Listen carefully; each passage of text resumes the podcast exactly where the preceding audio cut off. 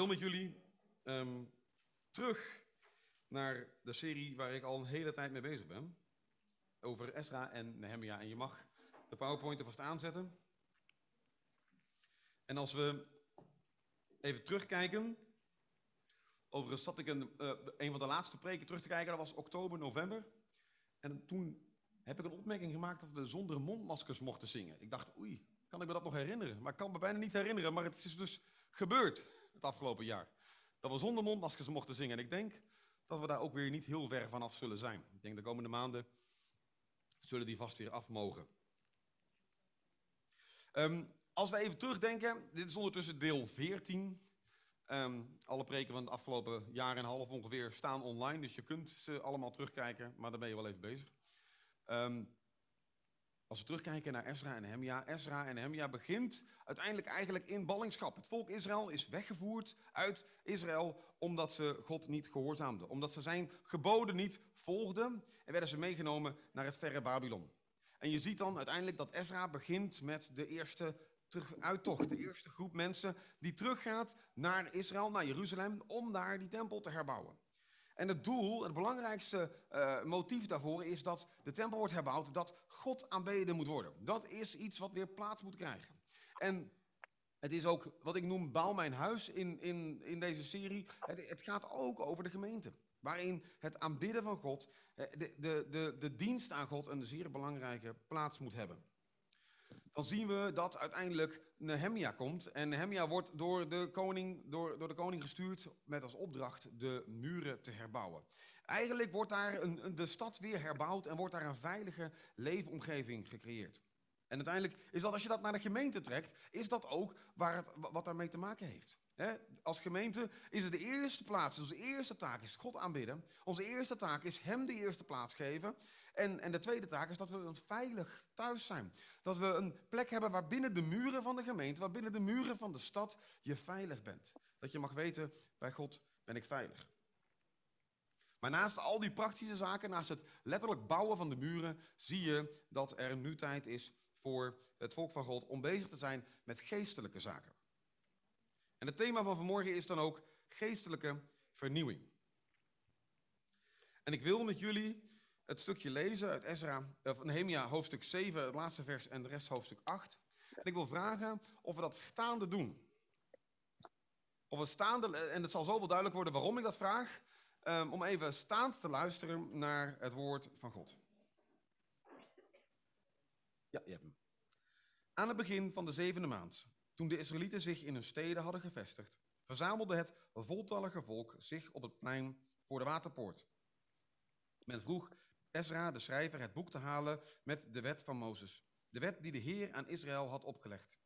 Ezra, de priester, haalde het wetboek en toonde het aan de aanwezige mannen en vrouwen en iedereen die in staat is het te begrijpen.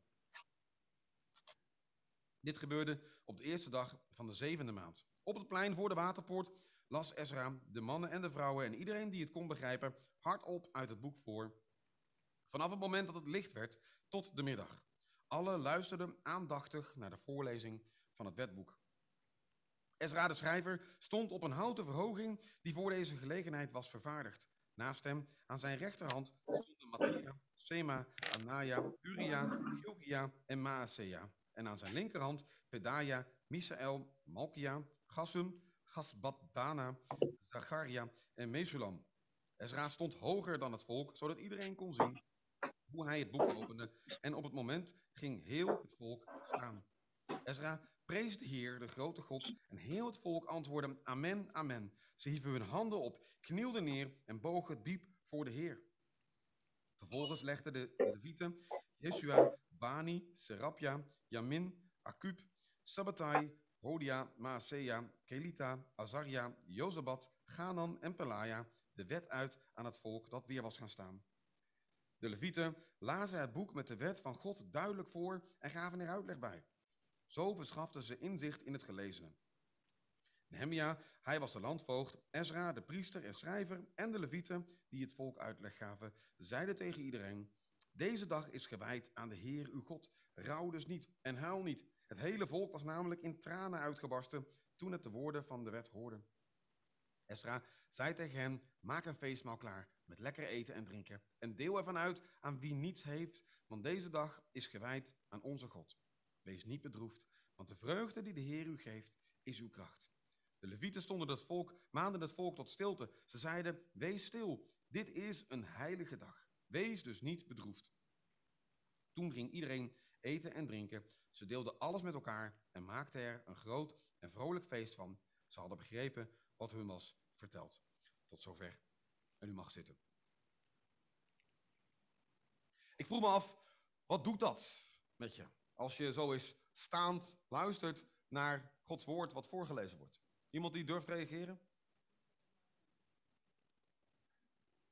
Doet dat iets? Zegt helemaal niks. Dat kan ook, hè? Dat je zegt van ja, oké, is leuk, maar dat mag, hè? Kun je je voorstellen dat het bij deze Israëlieten iets losmaakte? Dat het voor hun iets betekende? Dat er iets gebeurde? Op zich is het voorlezen van de wet niet nieuw. Al in Deuteronomium wordt gezegd dat iedere zeven jaar de hele wet moet worden voorgelezen. En dan kunnen we denken, één keer in de zeven jaar, dat is nog veel te weinig. Wij moeten elke dag die Bijbel lezen, dat wordt ons tenminste altijd voorgehouden. Um, is het dan niet veel te weinig? Maar je moet ook bedenken dat het een tijd was waarin er geen telefoons waren, geen tablets, geen televisies. En het gesproken verhaal veel beter onthouden werd. Het verhaal werd verteld en werd goed onthouden, zodat je het kon doorvertellen. Dat was het verhaal, als de wet werd voorgelezen, dan, werd, dan onthield men dat goed. Dan deed men hun best om zich dat te memoriseren, om het door te geven aan hun familie.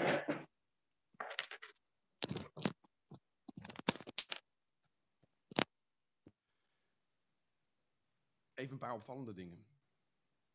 Als je nadenkt over de tempel, het volk Israël leefde in een tijd waarin de man uiteindelijk het voor het zeggen had. Waarin de man belangrijk was. Het was een, een, een tijd waarin de, de familiehoofden zeer belangrijk waren. Je ziet dan ook in de tempel dat uh, uiteindelijk hè, de, de Levitische dienst is een dienst waar alleen mannen aan, aan, deelnemen. Je ziet overigens in andere landen en andere omringende culturen dat er ook wel tempels zijn waar alleen vrouwen uh, de, de priesterdienst deden. Maar bij Israël is het echt alleen aan de mannen voorbehouden.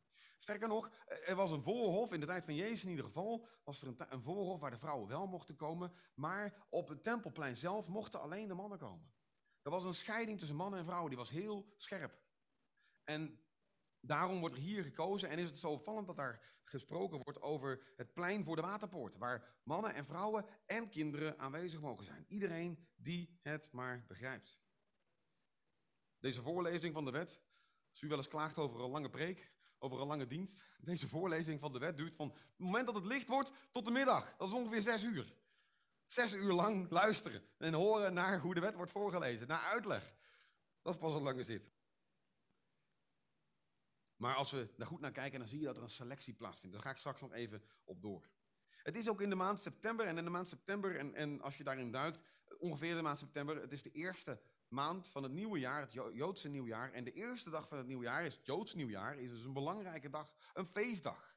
Waarop God oproept om blij te zijn. En je ziet later in die maand is daar Yom Kippur, hè, de grote verzoendag. Dat is wat daar ook plaatsvindt. De, de, dag waarop de priester, de hoge priester, het heilige der heiligen binnengaat en verzoening brengt voor alle zonden die niet beleden zijn. Voor alle zonden die het volk gedaan heeft, maar waar geen offers voor gebracht zijn.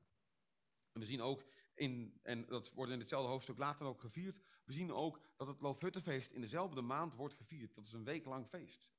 En je gaat bijna denken dat het volk Israël in die maand meer feest had dan ze moesten werken. En dat, dat is ook eigenlijk zo. Er worden hier dertien mensen genoemd. Dus ik weet niet of jullie nog zoeken naar een naam voor de kleine. Dan, dan heb je hier een paar suggesties. Ze zijn niet allemaal even uitspreekbaar, maar dat laat ik aan jullie. Um, maar er worden dertien mensen genoemd. Aan beide kanten staan mensen van Ezra om daar het gewicht bij aan te brengen. Om duidelijk te maken om wie het, waar het om gaat, hoe belangrijk dit is.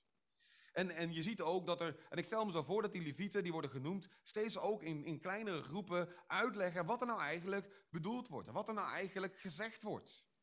En, en, en één belangrijk zinnetje wil ik echt de nadruk op leggen. Er staat daar iedereen die het kan begrijpen. Iedereen die het kan begrijpen, zat daar. Iedereen die verstandelijk erbij kon, die was daar aanwezig om te luisteren naar de woorden van de wet. En, en, en de levieten doen nog extra moeite om dat uit te leggen. Misschien waren er mensen, er wordt later in het, in, in het boek ook wel genoemd, dat mensen waren die het Hebreeuws niet meer spraken. Dus die begrepen niet welke taal daar nou gesproken werd en wat het nou betekende. Maar ik kan me ook voorstellen dat tussen hetgeen, de, de tijd dat Mozes de wet kreeg en dit volk zit een enorme tijd. Er zit echt een aantal duizend jaar.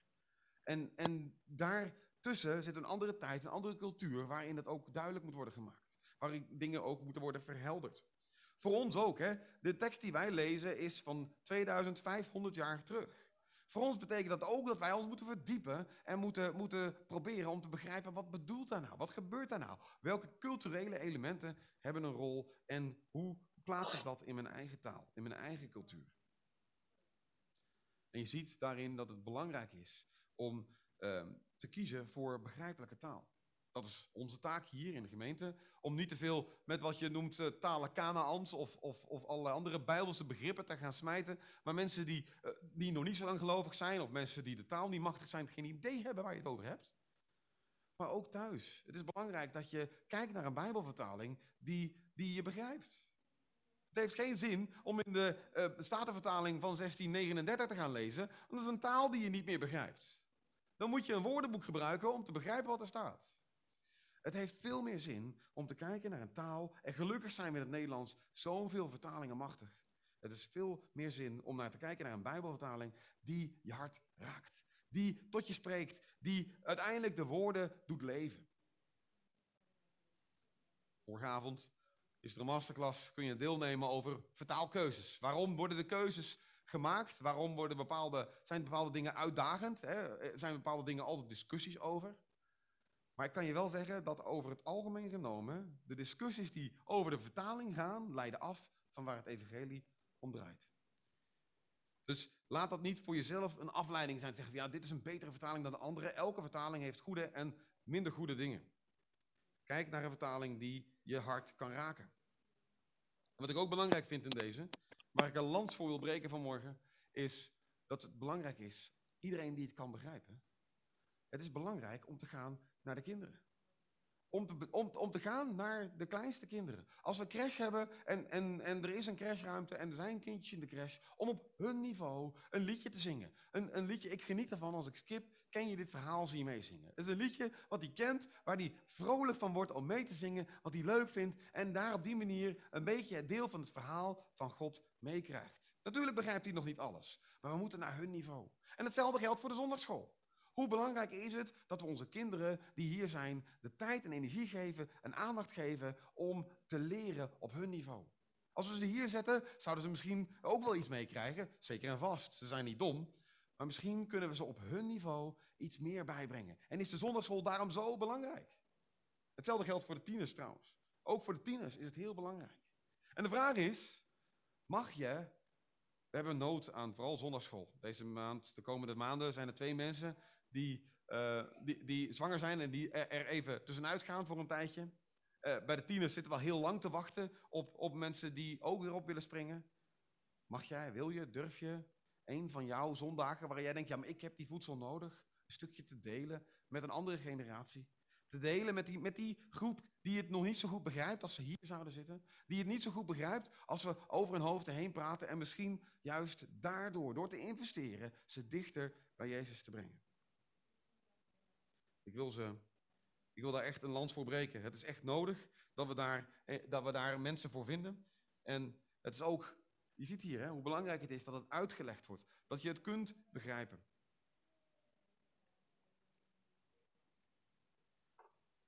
Het stukje gaat op een gegeven moment over ineens vrij abrupt naar ja, huilen en vreugde. Het lijkt vrij abrupt te gaan dat het volk ineens in geween uitbarst, omdat de woorden die ze horen dat hij hun raakt. Maar je moet je even verplaatsen in de Israëliet van die tijd. Dit is een generatie die hun opa en oma, hun ouders nog hebben, weten dat die zijn weggevoerd uit dit land. En waarom? Omdat ze niet zich hebben gehouden aan de geboden van God. Dat ze zich niet hebben gehouden aan de wet die God had gegeven. En God heeft duidelijk daar opdracht toegegeven, daar vervloekingen over uitgesproken. En, en als ze dat dan horen, wat er gebeurt, dat ze hun, hun, hun oogst kwijtraken, dat ze hun kinderen kwijtraken, dat ze in ballingschap zullen worden gevoerd. dan hebben ze dat aan de lijve ondervonden. Ze hebben dat letterlijk meegemaakt. Of hun ouders hebben dat meegemaakt. Die zijn weggevoerd. En als je daarover nadenkt, dan kan je dat aangrijpen. En ik weet niet of u dat ook nog heeft, als we afgelopen periode met dat boekje bezig geweest zijn. En, en, en als je daar geconfronteerd wordt met die hele scherpe woorden van Jezus, grijp je dat aan? Kijk je dan aan jezelf en denk je, oei, wat ben ik toch eigenlijk een mislukking? Wat, wat, wat, wat, wat heb ik daar toch in veel fouten gemaakt? Wat schiet ik daarin toch tekort? Als je je verplaatst in deze mensen, is het volkomen logisch dat als ze de wet horen, als ze de woorden horen die Mozes van God heeft gekregen, dat ze denken, oh my goodness, ik ben daar echt in tekort geschoten. Al, ik, ik heb de wet van God niet gehouden en als ik daar nu geen verandering in maak, dan gaan we weer meemaken wat er al is gebeurd, namelijk dat we worden weggevoerd. Dat we meer ellende zullen meemaken dan vreugde. Maar hier, deze dag, is een dag van vreugde. De dag wordt letterlijk opgeroepen door Mozes in, in Deuteronomium. Opnieuw wordt daar gezegd, laat dit een dag van vreugde zijn. Er mag die dag geen geween zijn, er moet een dag van vreugde zijn. Dus de levieten gaan en zeggen, jongens, niet wenen, niet huilen. Het is een dag van blijdschap. En, en, en ik vind dat zo'n mooie tekst, hè. Want de vreugde die de Heer u geeft, is uw kracht. Want de vreugde die de Heer u geeft, is uw toevlucht. De vreugde die de Heer u geeft, is uw toren, uw burcht. Er is plaats. Er is plaats in ons leven voor, voor verdriet, voor berouw. Er is plaats in ons leven om, om berouw te hebben over dingen die misgaan. Maar God roept ons op om blij te zijn. God roept ons op om naar Hem te gaan en te vluchten en bij Hem in zijn toren, in zijn burcht te schuilen, omdat daar vreugde te vinden is. En de vreugde die de Heer geeft, dat zijn twee dingen. Dat gaat om mensen die blij zijn over Gods goedheid en Gods genade. Als je daarover nadenkt, denkt hoe goed God voor je is en hoeveel genade God geeft, dan kan je blij zijn. Dan kan je blij worden en zeggen, Heer, wat een wonder. Hoe kan dat eigenlijk? Ik verdien dit niet. Maar tegelijkertijd is het ook de vreugde van God over mensen. En ik moet dan weer denken aan Jezus die uit het water oprijst als hij gedoopt wordt door Johannes. En dat die stem uit de hemel klinkt en die zegt, dit is mijn geliefde, in hem vind ik vreugde. En door Jezus heen klinkt die stem ook voor jou. Dit is mijn geliefde. Jij bent mijn geliefde. Ik vind vreugde in jou. Ik ben blij over jou. Ik vind dat zo mooi. Als ik nadenk over hoe wij vaak het avondmaal vieren, dan is dat ook iets waar we misschien veel meer met berouw en treurnis en, en, en stilte en, en ingetogenheid mee bezig zijn. Maar tegelijkertijd mag dat iets zijn wat we vieren, waar we blij over zijn, waar we misschien wel meer expressie en dankbaarheid en blijdschap aan geven, omdat Jezus offer voor ons verzoening en vrijheid geeft. Vreugde kan wel eens meer op zijn plaats zijn dan berouw. Ik zei al, dit hoofdstuk, deze preek gaat over geestelijke vernieuwing. Nou, alles wat er gedaan is, naar het, het centraal stellen van de, van de eredienst, de tempeldienst, de offers brengen, God aanbidden. He, de tempel herbouwen. Die plaats die moet onze eerste plaats hebben in het leven. God aanbidden. En de tweede is, is het herstel van die muren. Het herstel van die stad. Die stad moet worden herbouwd. We moeten een veilige plek hebben om in te wonen. We moeten een gemeente hebben waarin het organisatorisch goed staat. Waarin we met elkaar kunnen zeggen, ja, hier loopt alles helemaal op elkaar over. En natuurlijk gaan er wel eens dingen mis, maar we zitten in een veilige en, en goede omgeving, waar het fijn is om te zijn, waar we ons veilig geborgen weten. Maar als het tijd is voor geestelijke vernieuwing, dan begint dat bij het accepteren van het woord van God. Het begint bij het accepteren van dit. Daar begint het. Dit is Gods woord. God spreekt in de eerste plaats via dit geschreven woord. Natuurlijk ook door zijn geest, maar zijn woord is de eerste plek. Dat zou onze prioriteit moeten zijn.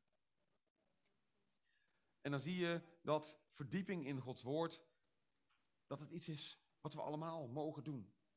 Het is niet alleen een taak van priesters en levieten om die, om die Bijbel te begrijpen, om dat kunnen uitleggen. Het is niet alleen een taak van oudsten en voorgangers en gemeenteleiders. Het is een taak van ons allemaal. Je hoeft niet te wachten totdat iemand anders je voorgaat. Je mag het zelf doen. Je mag daar zelf mee bezig gaan. En nog beter met elkaar daarmee bezig gaan. Samen onderzoeken. Dat zie je ook als je dat gedeelte nog zou, zou lezen thuis vanmiddag. dan zie je ook dat mensen samen het woord lezen en tot de ontdekking komen dat er een loofhuttenfeest is wat ze niet vieren. En dat stellen ze dan meteen in. Je hoeft niet te wachten. Ik, ik smijt een paar teksten en als je meeschrijft, dan, dan, dan moet je ze maar opschrijven. Maar ik heb ze niet op de beamer gezet. Maar um, 1 Petrus 2 vers 5 zegt, wij zijn dan koningen en priesters. We worden zelf priesters genoemd. We hoeven niet te wachten tot iemand anders ons voorgaat. Wij mogen zelf naar God toe. En, en Hebreeën 4, Hebreeën 4, 14 tot 16, ik, ik vind dat zo'n magnifieke tekst. Hè? Ik zal hem helemaal lezen. Nu wij een hooggeplaatste hoge priester hebben, die de hemelsferen is doorgegaan, Jezus, de Zoon van God, moeten we vasthouden aan het geloof dat we beleiden. Want deze hoge priester kan met ons, onze zwakheden meevoelen, omdat, wij, net als, omdat hij, net als wij, in elk opzicht op de proef is gesteld, maar dan zonder te zondigen. Laten we dus zonder schroom de troon van de genade naderen, waar we telkens als we hulp nodig hebben, barmhartigheid en genade vinden. U, er zit een, een, een woordspeling in deze tekst. Die troon van de genade, daar zit een woordspel met het, de ark van het verbond. U weet wel, die kist van goud waar die twee gerubs op staan, die, die met de vleugels elkaar raken, waar maar één keer in het jaar de hoge priester naartoe mocht om bloed te sprenkelen en verzoening te brengen voor het hele volk. Dat was de plek waar, waar, waar in, in de Hebreeuwse traditie wordt gesproken over de blauwe vlam van Gods aanwezigheid die daartussen die, die engelen uh, zichtbaar was, waar God kon spreken met je. Daar was je in Gods aanwezigheid. En nu wordt daar die troon van die genade, dat verzoendeksel, dat wordt nu genoemd als een vrije toegang wat wij hebben. Ik vind dat zo waanzinnig. Als je daarover nadenkt. Waar vroeger dus een plaats was van mannen, vrouwen apart en alleen maar één iemand die mocht daar naar binnen, is het nu iets, een plaats waar we allemaal naar binnen mogen. Het voorhangsel scheurde op het moment dat Jezus stierf, scheurde het voorhangsel en, en dat wil zeggen dat we allemaal naar binnen mogen. En ook hier staat dat zo duidelijk. We mogen zonder schroom. We hoeven niet bang te zijn voor toren. We hoeven niet bang te zijn voor Gods wraak. We mogen zonder schroom naar binnen gaan en komen tot bij dat verzoendeksel. Tot bij die gerubs die elkaar raken. Tot in Gods aanwezigheid. En daar mogen we God ontmoeten. En wat ontmoeten we daar? Wat zegt de tekst? We mogen daar, we kunnen telkens, als we hulp nodig hebben, barmhartigheid en genade vinden. Ik vind het zo, als we hulp nodig hebben, kunnen we barmhartigheid. God zegt, joh, weet waar je mee worstelt. Ik weet het, ik ken jou. Ik, ik weet dat je hiermee zit. Hier, sta je arm om mee. Kom, kom bij mij. Ik geef je genade. Ik weet dat je bent gestruikeld. Ik weet dat je gezondigd hebt. Maar je hebt genade te vinden bij mij. 1 Timotheus 2 vers 5 zegt dat we één bemiddelaar hebben. En dat is Jezus Christus. Na het herstel van aanbidding. Na, nadat we de prioriteit hebben gemaakt van het aanbidden van God. Nadat we hebben gezegd, hey, we hebben een, een, veilige haven. We hebben een, een, een, gemeente waarin het veilig is. Waarin we elkaar kunnen vertrouwen. En en, en we hebben die muren hersteld zo goed als kan. Is het nu tijd voor geestelijke vernieuwing. En dat begint bij het woord van God. Dat heeft een enorme prioriteit in ons leven. En ik weet dat je ook heel makkelijk met schuldgevoel naar huis kunt gaan. En denken, ja, dat is heel fijn, maar het lukt maar gewoon niet elke ochtend die Bijbel te openen. Heel begrijpelijk. Ik, ik, ik, ik, kan, ik ken die plaats, ik ken die tijd. Dat het gewoon te druk is. En God kent het ook. Weet je, als jij getrouwd bent, om maar als voorbeeld te noemen, je hebt een relatie met iemand. En, en, je, en je hebt even een hele drukke agenda. Je hebt bijna geen tijd om elkaar fatsoenlijk te spreken. Hou je dan niet meer van elkaar? Is het dan een tijd dat je niet meer kunt zeggen, maar ik hou wel van je? Belangrijk is dat je die tijd terugneemt. Dat je, als het heel druk geweest is, dat je tijd maakt voor elkaar. Dat je zegt, ja, we moeten nu tijd maken. We moeten een etentje plannen. We moeten even gewoon een kop koffie pakken en, en aan de keukentafel zitten om eens even bij te babbelen. Het is belangrijk dat we dat doen. Maar zo is het met God ook. Als je een tijd hebt gehad waarin je God even links hebt laten liggen, waarin het gewoon te druk was voor jouw gevoel, waarin geen tijd was om die Bijbel te openen, waarin er geen tijd was of nauwelijks tijd was voor gebed, misschien een schietgebedje, dat was het. God houdt niet minder van je. We hebben het net gelezen. Je mag zonder schroom naar die, naar die tegenwoordigheid van God. Je kunt daar barmhartigheid vinden en genade. En tegelijkertijd zegt God, kom, laten we het opnieuw proberen. Laten we opnieuw investeren in de relatie. Want als je niet investeert in de relatie, dan bloedt hij dood.